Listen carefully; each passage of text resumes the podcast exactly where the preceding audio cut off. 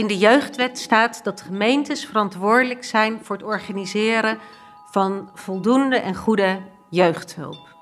En jeugdhulp, dat kan eenvoudige jeugdhulp zijn, bijvoorbeeld begeleiding thuis in de opvoeding. Uh, maar het kan ook zwaardere hulp zijn. Hulp in een psychiatrische kliniek. En die gespecialiseerde jeugdhulp, dus die zwaardere vormen van jeugdhulp, die koopt de gemeente in bij jeugdhulpinstellingen. Dat betekent dat je, dat je uh, vakjes hebt of aannemers hebt, hoofdaannemers die pleegzorg bieden, die ambulante hulp bieden, die GGZ-hulp bieden, die residentiële uh, opvang bieden. Um, ik loop een beetje vast. Het is ook zo ingewikkeld. Dit is Stadswandelingen, een podcast van Erasmus Verbind, waarin we kijken hoe het in Rotterdam loopt. Tijdens onze wandelingen spreken we met Rotterdamse wetenschappers en inwoners over wat er nu echt in de stad leeft. We gaan van het oude noorden tot Rotterdam Zuid en van het nieuwe westen tot de oosterflank. Alles is bespreekbaar, want het gaat om onze stad. Al jaren verkeert de jeugdzorg in Nederland in crisis. Sinds de decentralisatie van het Rijk naar de gemeenten in 2015 stapelen de problemen zich op, ook in Rotterdam. In 2018 was er een vernietigend rapport, maar het lek is nog niet boven. Het is ingewikkeld. En toch gaan we proberen een beeld te geven van hoe het ervoor staat in de jeugdzorg in Rotterdam. In deze aflevering wandel ik daarom samen met kinderombudsman Stan Schoutsmit en onderzoekster Annemiek Harder door het doolhof van de jeugdzorg. Op zoek naar de uitgang. Mijn naam is Claire en ik ben de host van Stadswandelingen. Schoenen aan, veters vast, we gaan de stad in. Ik ben de Rotterdamse kinderombudsman en mijn taak is het uh, om erop toe te zien dat de gemeente goed met zijn kinderen omgaat. Ik heb met Stan Schoutsmit afgesproken in een groot jeugdcentrum in een buitenwijk van Rotterdam. Dat doe ik door het behandelen van klachten van ouders, soms ook van kinderen en steeds vaker ook van hulpverleners die vastlopen in het eigen systeem. En die klachten gaan voor een groot deel over wachten op jeugdhulp. En die klachten behandel ik dan en uh, draag er op die manier aan bij dat we tevreden uh, inwoners van Rotterdam hebben. Er wordt nog wel eens gedacht dat de kinderombudsman onderdeel is van het gemeentelijk apparaat. Nee, dat zijn wij juist niet. En uh, we hebben een kantoor met een kleine twintig medewerkers. Er zijn een aantal medewerkers die de klachten behandelen die binnenkomen. Um, en we hebben een aantal medewerkers die uh, onderzoek doen naar klachten. Want als we de klachten niet gemakkelijk af kunnen doen, dan doen we dieper onderzoek. Stans vertelt dat ze daarnaast ook nog ander onderzoek doen, breder, waarbij ze kijkt naar het hele plaatje van de jeugdzorg en jeugdhulp. En dan kijk ik dus niet naar de individuele zaken, maar dan kijk ik naar de grote lijnen. En mijn uitgangspunt bij het onderzoek is dat ik dat altijd doe samen met kinderen en jongeren en niet over hen. Want ik vind het heel belangrijk om kinderen en jongeren zelf aan het woord te laten en, hen, en hun stem te horen. Net zoals de ombudsman voor volwassenen is de kinderombudsman een soort loket voor klachten. En dat zijn er nogal wat. Zoals bijvoorbeeld ook blijkt uit de voorbeelden in deze NOS-video uit 2019 over wachttijden in de jeugd GGZ. Omdat die klachten zo ernstig zijn, is het belangrijk dat je snel hulp krijgt nadat je bij de huisarts bent geweest. Maar de werkelijkheid is heel anders. Tussen uh, de eerste paar opnames zat denk ik ongeveer drie tot zes maanden steeds. Hoe lang heb je het langst gewacht? Zeven maanden denk ik. Ik moet, um, ik krijg schematherapie, maar dan moet ik acht maanden tot twaalf maanden op wachten. Toen ik me aanmeldde voor een, uh, voor een praktijk, heb ik drie maanden uh, uh, op een uh, wachtlijst gestaan. Wat vind je ervan dat je elke keer zo lang moet wachten? Het is best wel schokkend eigenlijk. Elke dag was ik echt aan het wachten van hallo, gaat er nog iemand me helpen? Maar dat kwam er niet van. Je wacht heel lang en, en, en je voelt je niet gehoord in die tussentijd. En het kan, heel erg, het kan echt misgaan. Zelfmoordpogingen, dat soort dingen. Gewoon omdat je de hulp niet kreeg die je eigenlijk wilde. Als een kind bijvoorbeeld een einde aan, aan, aan, zijn of haar leven wil maken, dan moet degene echt super lang wachten. Maar als een kind zijn been breekt en je bent 1 en 2, dan is er zo de hulp. Dus dat is best wel erg. Iemand maakte een- een vergelijking met de tandarts. Als je kiespijn hebt en je belt de tandarts, dan weet je, over drie weken op woensdagmiddag mag je langskomen. Dat is met jeugdhulp niet zo. Je weet niet hoe lang je zit te wachten, maar in die tussentijd hoor je van niemand niets. Maar is er een soort algemene lijn te vinden in de klachten die jullie eh, Zeker de helft van de klachten die binnenkomen gaan over jeugdhulp. Daar weer het grootste deel gaat over kinderen die te lang moeten wachten op jeugdhulp. Kinderen die maanden tot wel een jaar moeten wachten totdat er passende hulp komt. Het gaat ook over de jeugdbescherming, eh, die zijn werk niet goed zou doen. ehm, die volgens ouders onwaarheden opschrijven in dossiers. Hè, en die onwaarheden gaan dan van de ene instelling naar de volgende, naar de volgende. Die blijft hen achtervolgen.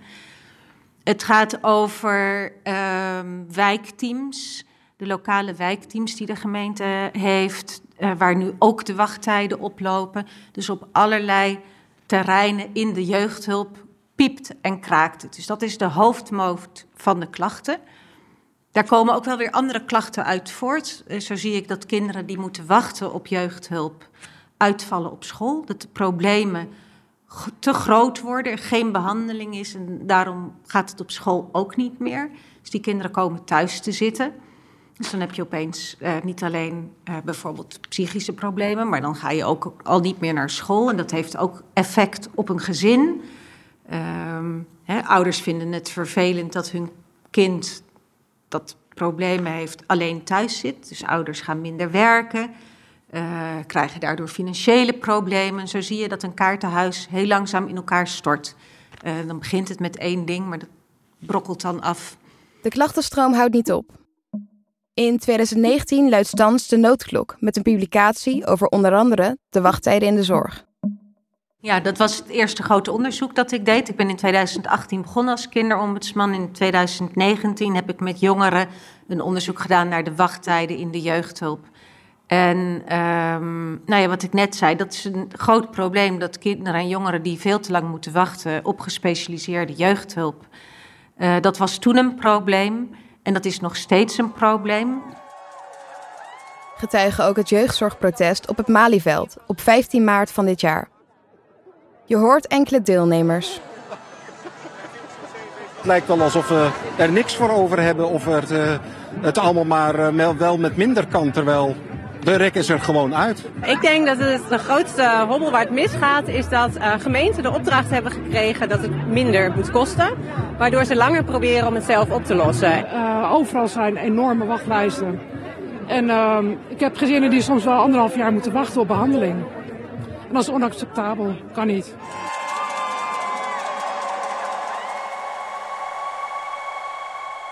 In elke aflevering van Stadswandelingen onderzoeken we actuele thema's in de stad. En die benaderen we natuurlijk niet alleen vanuit de praktijk, maar ook vanuit de wetenschap. Voor dit verhaal over jeugdzorg heb ik daarom afgesproken met hoogleraar Annemiek Harder.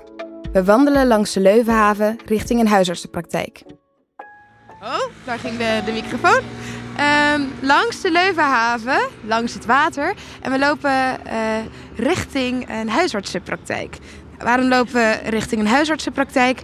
Omdat dat is vaak eh, ja, de, de eerste stap, de eerste plek meestal waar jongeren naartoe gaan als zij eh, met mentale of eh, fysieke problemen kampen natuurlijk.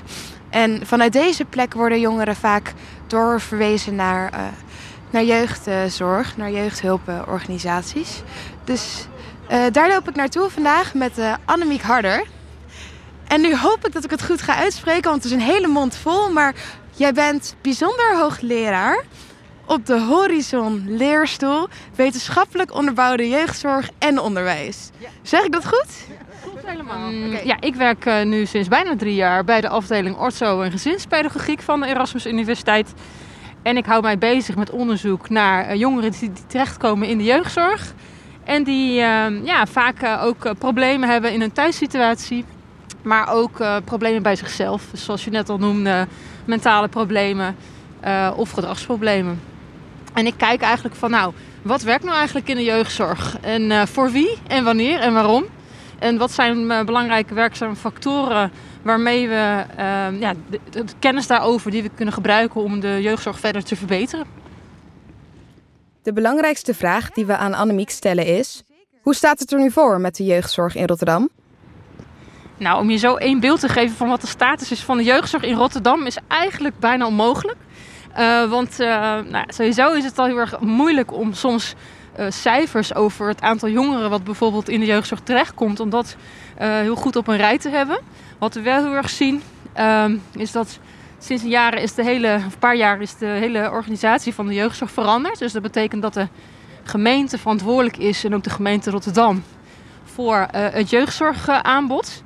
Um, en dat maakt uh, dat er um, ja, qua, qua, organisatie soms best wel ingewikkeld is. Want de gemeente heeft te maken met heel veel verschillende jeugdhulpaanbieders.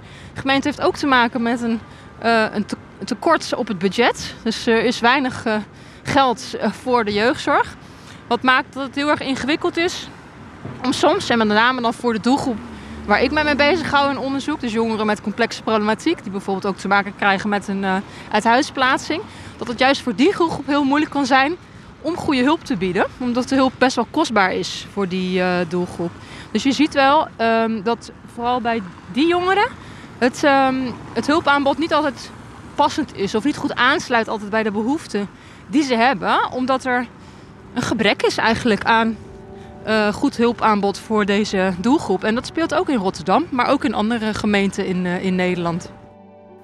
Um, en de slogan die centraal stond was in plaats van naar de jeugd... Dit is ook de stem van Annemiek, maar dan in 2019. Tijdens een mini-college op de Erasmus uh, Universiteit. Er is onlangs een rapport verschenen. Uh, van het budget van de 3,7 miljard in de jeugdzorg gaat meer dan 1 miljard op aan coördinatie en administratiekosten. Dat is dus bijna een derde van het budget. Dus dat is een aanzienlijk deel van het budget, wat dus niet terechtkomt bij medewerkers of bij uh, jeugdigen zelf. En even voor uw beeld, uh, jaarlijks komen er ongeveer 400.000 jeugdigen in aanraking met jeugdzorg. En dat is ongeveer 1 op de 8 kinderen in Nederland. Dus een aanzienlijke groep kinderen waar het hier om gaat. Um, wat ook nog die hoge coördinatiekosten kan verklaren, is dat sinds 2015, het werd er net ook al genoemd, uh, de verantwoordelijkheid voor de jeugdzorg is overgeheveld van de 12 provincies die we hebben in Nederland naar de inmiddels 380 gemeenten in Nederland. Um, het idee was, nou, de gemeenten zitten dichter bij de jeugdigen, dichter bij de gezinnen, zien de problemen eerder, kunnen sneller ingrijpen. Uh, ook is de focus veel meer komen te liggen op preventie, kortdurende hulp, met het idee dat dan langdurige hulp uh, voorkomen kan worden. Um, en omdat er vanuit is gegaan dat met die focus op preventie, met deze decentralisatie, de kosten minder zouden worden en het sneller geholpen zou kunnen worden, dus dachten ze ook, nou laten we dan ook 15% meteen bezuinigen op de hele jeugdzorg. Een hele logische gedachte.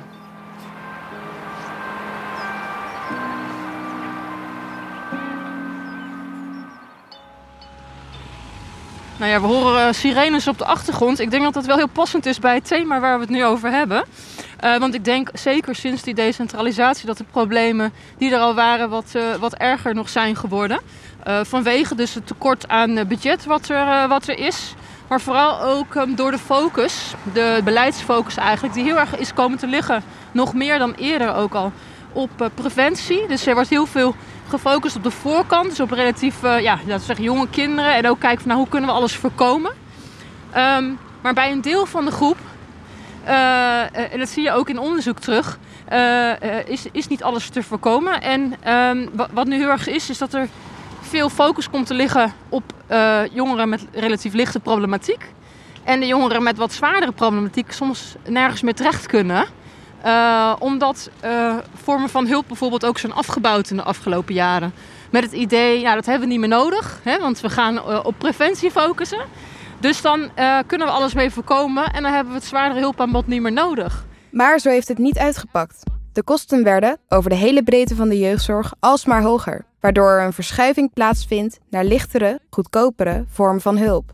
De complexe gevallen misten dan de boot. Of zoals Annemiek het samenvat. Tussen wal een schip uh, komt te vallen, zoals wij hier nu ook uh, langs de boten lopen. Ook weer heel toepasselijk. Uh, dat dat niet voorkomt. Dat wil je eigenlijk niet met jongeren in, uh, in de jeugdzorg. Zowel in de wandeling met Annemiek als in het gesprek met Stans merken we hoe ingewikkeld de jeugdzorg is geworden sinds de decentralisatie. We verdwalen. Niet in de laatste plaats door de gebruikte terminologie. Daarom toch even in het kort het volgende overzicht, als plattegrond van het Doolhof, met hulp van Stans. In uh, 2015 is de jeugdhulp gedecentraliseerd, is die van landelijk naar gemeentelijk niveau gegaan en daarmee zijn de gemeentes verantwoordelijk geworden voor de jeugdhulp. Dus zij hebben de plicht om ervoor te zorgen dat er voldoende en goede jeugdhulp in de gemeente is. Zo staat het in de jeugdwet. Dus dat zijn twee bronnen van plichten voor de gemeentes. Dus de gemeentes zijn verantwoordelijk voor de jeugdhulp en voor de jeugdbescherming. Belangrijk. Het CBS hanteert sinds de decentralisatie het begrip jeugdzorg als verzamelnaam voor jeugdhulp, jeugdbescherming en jeugdreclassering.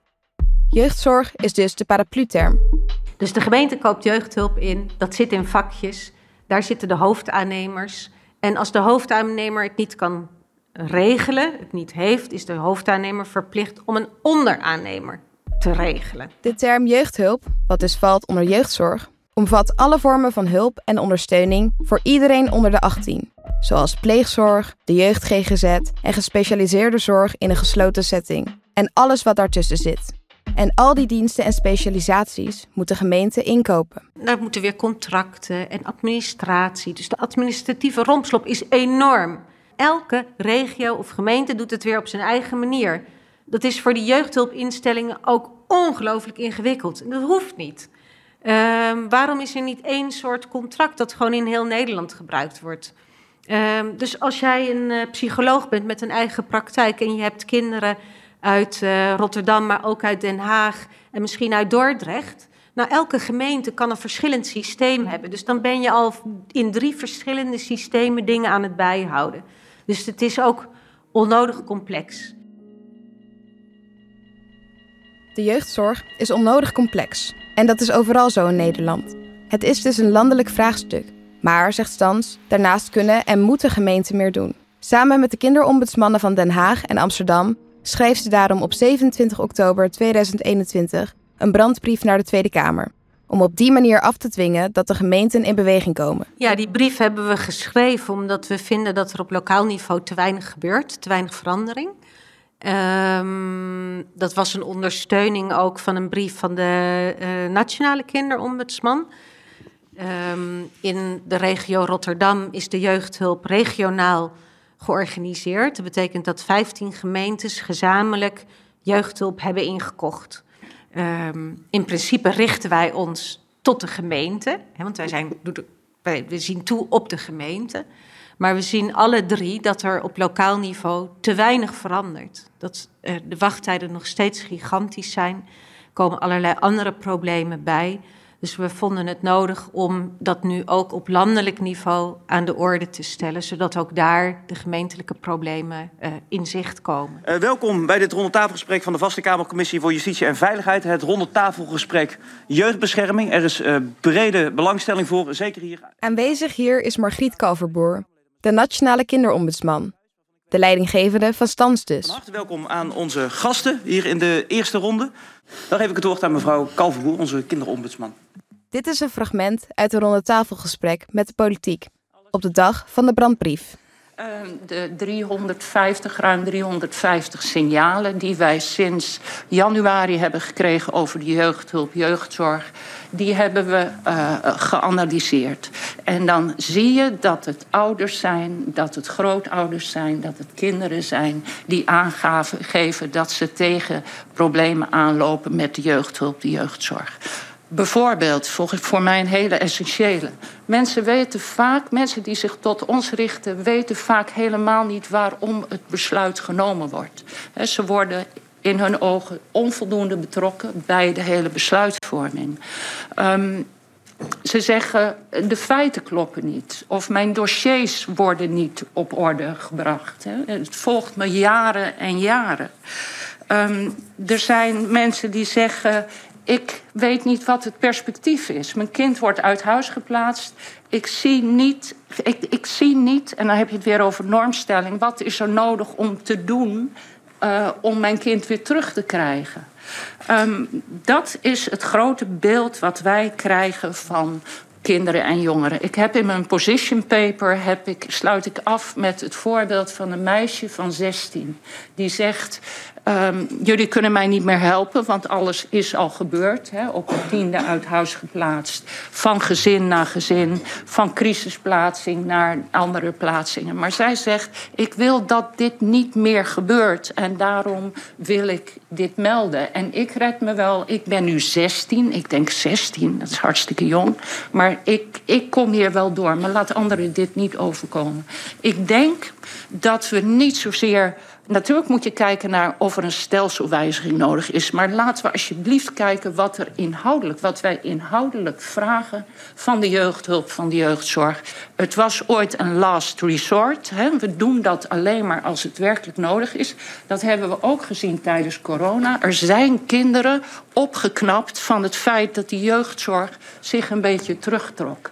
En natuurlijk ook kinderen die er niet van opgeknapt zijn. Maar dat zijn ook signalen. En we zijn op een aantal punten enorm doorgeschoten. Laten we het perspectief van kinderen, van ouders voorop stellen. Laten we inderdaad ook kijken naar. Een emotioneel pleidooi van de kinderombudsman, waarmee ze, nog maar eens, de vinger op de zere plek legt. Voor de kinderen zelf. Inmiddels lijken de betrokkenen het er wel over eens dat het zo niet langer kan. Er is te weinig personeel bij de jeugdhulpinstellingen en te weinig geld bij de gemeenten. Hartelijk dank. Dan de heer Engelfried. Maar, zegt Stans... Dat is een deel van het probleem. Maar ik vind dat gemeentes zelf nog veel meer kunnen doen om uh, een deel van de problemen tegen te gaan. En dat zijn oplossingen waar we morgen mee kunnen beginnen en die geen geld kosten. En de belangrijkste twee daarvan is: het wordt tijd dat het kind centraal staat in het systeem. En het wordt tijd dat we kinderen en jongeren serieus nemen. En dat we dat de jeugdhulp en de gemeente in beslissingen die ze nemen luisteren naar hoe kinderen en jongeren tegen hun eigen problemen en ook de oplossingen daarvan aankijken. Door dat niet te doen, ik zie dat dat veel te weinig gebeurt, er zijn ook allerlei redenen voor, is er een enorm groot risico dat kinderen en ook hun ouders afhaken. En dan ben je ze kwijt en dan worden de problemen alleen maar groter mensen kwijtraken. Dat kennen we ergens van. Het was Marjorie Mabons die in aflevering 3 dezezelfde omschrijving gebruikte voor mensen die verstrikt raakten in de gemeentelijke bureaucratie. Um, in de gemeente Rotterdam is de jeugdhulp, de gespecialiseerde jeugdhulp, dus de zwaardere vormen van jeugdhulp, opverdeeld in percelen. En percelen zijn eigenlijk vakjes. Uh, je hebt een vakje pleegzorg, je hebt een vakje GGZ, je hebt een, een, een vakje ambulante hulp. Uh, nou, heb je allemaal vakjes. Dat is zo vanuit de gemeente georganiseerd, want het is handig. Dan kunnen ze per vakje kijken wat zijn dan de aanbieders daarvoor. En op die manier kunnen ze dat ook, die, die partijen contracteren. Maar als jij een kind bent dat net niet in een van die vakjes past, maar ertussen valt, dan ontstaat er een probleem. Ze geeft een voorbeeld. Ik heb een aantal klachten over kinderen die suicidaal zijn en een licht verstandelijke beperking hebben. En um, de organisaties die uh, werken met kinderen met een licht verstandelijke beperking, die zeggen nee, wij kunnen dit kind niet nemen, want ze is suicidaal, dat is te zwaar voor ons. En uh, de organisaties die hulp bieden voor suicidale kinderen, die zeggen ja, wij kunnen dit kind niet nemen, want wij hebben geen expertise. Uh, op het punt van lichtverstandelijke beperking. Dus zo'n kind die uh, valt tussen wal en schip. Die past niet in het ene hokje, maar ook niet in het andere. En mijn oproep is, en ook van de andere kinderen, ombudsmannen, zet nou het kind centraal. Ga, ga nou eens kijken, wat, wat zijn nou de behoeftes van het kind? En zoek daar de passende hulp bij. En het vraagt dus om een perspectiefwisseling um, die niet tot stand komt. Het blijft aanbod uh, gedreven.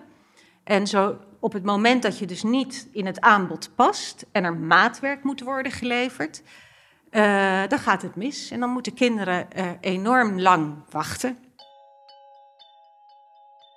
Het grootste probleem, de wachttijden, lijkt dus ook in Rotterdam met name veroorzaakt te worden door een mismatch tussen vraag en aanbod. De marktwerking werkt hier dus niet. Maar naast de wachttijden en de krappe budgetten ziet Stans nog een belangrijk defect. En dat is dat er onvoldoende naar kinderen en jongeren geluisterd wordt. Terug naar Annemiek. Het verhaal van Stans wordt ondersteund door haar onderzoek. Nou ja, wat we weten uh, op basis van onderzoek is dat een hele belangrijke werkzame factor in de hulpverlening is om een goede samenwerkingsrelatie op te bouwen van uh, hulpverleners met jongeren en ouders. Dus tijdens de behandeling is het heel belangrijk om goed contact te hebben, zodat je samen weet en samen het erover eens bent van nou dit zijn de doelen waar we aan gaan werken. En uh, dat de hulpverlener ook altijd goed uh, checkt of die, um, nou ja, nog, uh, ja, of ze nog aan het doen zijn waar ze naartoe wilden werken. En uh, dat het contact dus altijd goed blijft. En ook um, de manier waarop zo'n hulpverlener contact maakt met jongeren en ouders is heel erg belangrijk. Dus ehm, dat een, een hulpverlener goed luistert, is een beetje een bazaal iets, maar wel heel belangrijk. en dat hij um, ook ja, respect heeft voor uh, jongeren en ouders. Want het kan heel goed zijn dat jongeren en ouders waar je mee werkt... Ja, hele andere normen en waarden hebben... of uit een hele andere context komen dan wat jij gewend bent. En dan is het dus ook de kunst om, om bevooroordeeld te blijven... om uh, ja, altijd open te staan voor de ideeën van ouders en jongeren zelf. En dat soort, ja, je kan het bejegeningsvaardigheden noemen. Hè, dus gewoon vaardigheden in het contact... zijn echt heel erg belangrijk om ook die goede samenwerkingsrelatie uh, op te bouwen. Um, en ook aansluiten bij de motivatie voor verandering. Dus dat je ook elke keer goed uh, kijkt van goh, wat willen ouders nou eigenlijk? Wat willen jongeren nou eigenlijk? Dus die vaardigheden zijn heel erg belangrijk en het contact. Waar Annemiek de empirische uitgang van het tolhof zoekt, probeert Stan zich een weg naar buiten te vechten. Ze komt weliswaar over als een persoon met veel geduld, en dat moet ze ook hebben in haar baan. Maar ze is ook fel en kritisch, met name op de rol van de gemeente. En ze wil verandering, Liever gisteren dan vandaag. Want we kunnen het wel blijven aankaarten. Dat is een beetje het lastige van brieven schrijven. Um, wanneer gaat het echt veranderen? En ik snap echt wel dat ze een groot probleem hebben hoor. Um, waar het gaat om geld en personeel. Um, maar ik wil nou toch echt wel van hen horen. Ja, wanneer? Wanneer gaan jullie nou een aantal stappen zetten? En um, ik vind dat er iets te makkelijk gezegd wordt, ja, dat moet vanuit de jeugdbescherming of vanuit de jeugdhulp komen, omdat de gemeente uiteindelijk eindverantwoordelijk is. Dus als de gemeente daar ontevreden over is, hoe jeugdhulpinstellingen en jeugdbescherming dat doet, dan is het aan de gemeente om hen daarop aan te spreken. En het valt mij op. Kijk, de gemeente koopt jeugdhulp in dus die gaat aan het begin van het jaar denken, nou, we hebben zoveel plekken uh, bij die instelling nodig, zoveel plekken ambulant, zoveel plekken daar. Um, en als die jeugdhulpinstellingen of jeugdbescherming niet levert wat, wat de gemeente heeft ingekocht, dan vind ik de gemeente veel te aardig eigenlijk richting die jeugdhulpinstellingen. Als jij uh, een auto koopt en je krijgt maar een halve auto, nou, dan, pak je, dan schakel je een advocaat in en als het moet ga je naar de rechter van waar blijft de rest van mijn auto. Dat doet de gemeente niet. Uh, dus die zijn lief voor elkaar. En andersom ook. Uh, de tarieven die de gemeentes betalen zijn behoorlijk laag, waardoor het voor jeugdhulpinstellingen ook moeilijk is om, om het financieel rond te krijgen. Dus wees dus iets minder aardig voor elkaar en spreek elkaar aan op het nakomen van die afspraken. Dat die communicatie soms niet soepel verloopt, verbaast Annemiek. Wat niet als een verrassing voor haar komt, zijn de gevolgen ervan. Soms worden toch ook jongeren en ouders niet serieus genomen, hè? omdat ze toch ja, soms een andere, uh, ja, het is toch een soms andere doelgroep. Uh, en er wordt toch nog best wel wat op neergekeken, merk ik. En dat vind ik eigenlijk heel gek. Ik heb dat zelf helemaal niet. Uh, maar dan kom je soms achter dat mensen dan toch ineens jongeren en ouders zelf niet zo serieus nemen.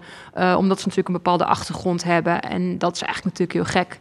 Uh, want uiteindelijk draait het om jongeren en ouders. Dus is het heel belangrijk om, uh, om ja, hun perspectief altijd mee te nemen. Uh, er zijn heel veel hulpverleners die ook stoppen met het werk in de jeugdzorg. Omdat ze niet meer kunnen doen wat ze, waarvan ze vinden dat nodig is. Dus dat is natuurlijk ook al heel erg tekenend voor hoe de situatie is binnen de, binnen de jeugdzorg op dit moment. Um, en uh, ja, dus zowel uh, beter luisteren naar jeugdigen en ouders als naar hulpverleners is denk ik een heel belangrijk aandachtspunt op dit moment. elke gemeente is verantwoordelijk voor jeugdzorg, krijgt daar een budget voor die niet toereikend is eigenlijk. Ehm, en uh, je hebt natuurlijk om de zoveel jaar verkiezingen in elke gemeente. Dus dat betekent dat je continu opnieuw uh, uh, moet ja, bewijzen eigenlijk als instelling wat je aan het doen bent. Je bent continu aan het vechten, ook als jeugdhulpaanbieder, voor überhaupt financiering. Um, dus dat maakt dat bestuurders en managers vooral bezig zijn met ja, overleven en het binnenhalen als het even kan, van wat financiering om het geld, om de hulp te bieden. Um, en hulpverleners houden zich vooral bezig met jongeren en ouders. We bedanken Annemiek en eindigen deze stadswandeling bij Stans, in een leegstaande ruimte van het jeugdcentrum. Er zijn gelukkig niet alleen doodlopende straten. Er zijn ook uitwegen. Ik heb het samengevat in hoor mij, informeer mij en leer mij. Dat geeft een, een aantal van de oplossingen weer. Hè. Um, hoor mij, nou daar hadden we het net over, maar informeer mij. Ze zeggen van ja, er wordt voor ons hulp gezocht, maar wij weten eigenlijk helemaal niet uh, wie voor ons aan het zoeken is, waarnaar die aan het zoeken is en hoe lang het gaat duren. Uh, en leer mij, hè, hoor mij, informeer mij, leer mij. Leer mij gaat over dat kinderen en jongeren zeggen: wij weten eigenlijk ook veel te weinig over onze eigen rechten. En dat zie je ook op allerlei punten terugkomen. Nu onlangs weer bijvoorbeeld, uh, het ging over iets heel anders. Het ging over het inzien uh, van je eigen dossier bij de jeugdhulp. En dat kinderen en jongeren uh, soms behoefte hebben om te weten wat er nou eigenlijk over ze wordt opgeschreven. Um, en dat is een recht. Je hebt het recht om je dossier in te zien. Maar dat weten niet alle kinderen en jongeren. Dus daardoor, als een uh, instelling zegt: Nou, nee dat kan niet. Of uh, nou, die ingewikkeld, kom maar een keer langs, dan mag je het inzien. Uh, maar ze hebben gewoon ook recht op een kopie. Dus als je je rechten niet goed kent, weet je ook niet of je het moet accepteren. Uh, of het alleen maar onprettig is of ook onwettig. Dus ze willen ook meer weten over uh, hun rechten. Uh, en kinderen hadden ook de oplossing dat als ze uitvallen op school door het wachten, dat er een plek moet zijn waar ze heen kunnen gaan. Want als ze thuis zitten, dat zag ik ook bij veel jongeren, door dat thuiszitten, ehm, aangehaakt blijven met school is heel ingewikkeld. Nu gaat het sinds corona iets makkelijker, omdat digitaal onderwijs opeens een hele vlucht heeft genomen. Maar voor corona was dat niet zo. Dus die, je ziet de jongeren wegzakken in, um, ja, in, in een donker gat. Je ziet bij jongeren dat het dag-nachtritme omdraait. Uh, dat ze de hele dag aan het gamen zijn, de hele nacht aan het gamen zijn. Uh, en die zeiden, wij willen gewoon een plek waar we heen kunnen gaan, waar we andere jongeren ontmoeten, waar we misschien kunnen leren, maar waar we ook gewoon een lekkere kop koffie kunnen drinken. Nou, dat soort plekken, daar moeten er meer van zijn. En dan zijn er weer juridische obstakels, ambtelijke obstakels, waarom dat moeilijk van de grond komt. Terwijl, ja, hoe moeilijk is het om een plek te organiseren waar jongeren uh, samen kunnen komen? Ik zie hier, we zitten hier in een ruimte, die staat leeg. Dus, uh, uh, weet je, daar, daar kan veel meer praktisch ehm, ondernomen worden. En daar hadden de jongeren, vond ik, goede ideeën over.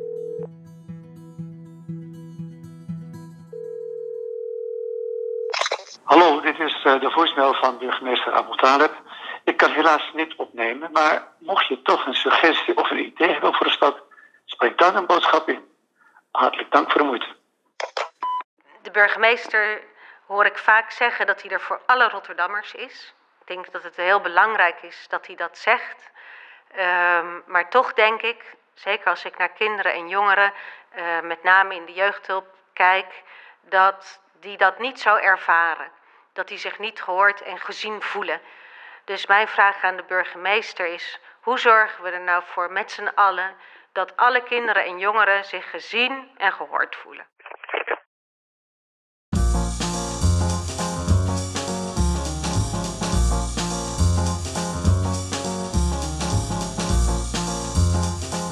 Je luisterde naar Stadswandelingen, een podcast van Erasmus Verbind en een initiatief van studenten van de Erasmus Universiteit. Eindredactie door Max Wassink. Redactie Isabel Bruistens, Tom van Dijken, Melissa Ersoy, Fabio Miris, Roos van der Velde en Julia Wetstein. En ik ben Claire Thio. Audiomix door Paul Sven de Haan van Faboom. Montage, originele muziek en sounddesign door Michiel van Poelgeest. Meer weten over onze podcast of over Erasmus Verbind? Bezoek dan onze website. De link staat in de beschrijving. Stadswandelingen is een productie van Klank. Dank aan onze partners, de gemeente Rotterdam en Omroep Rijnmond.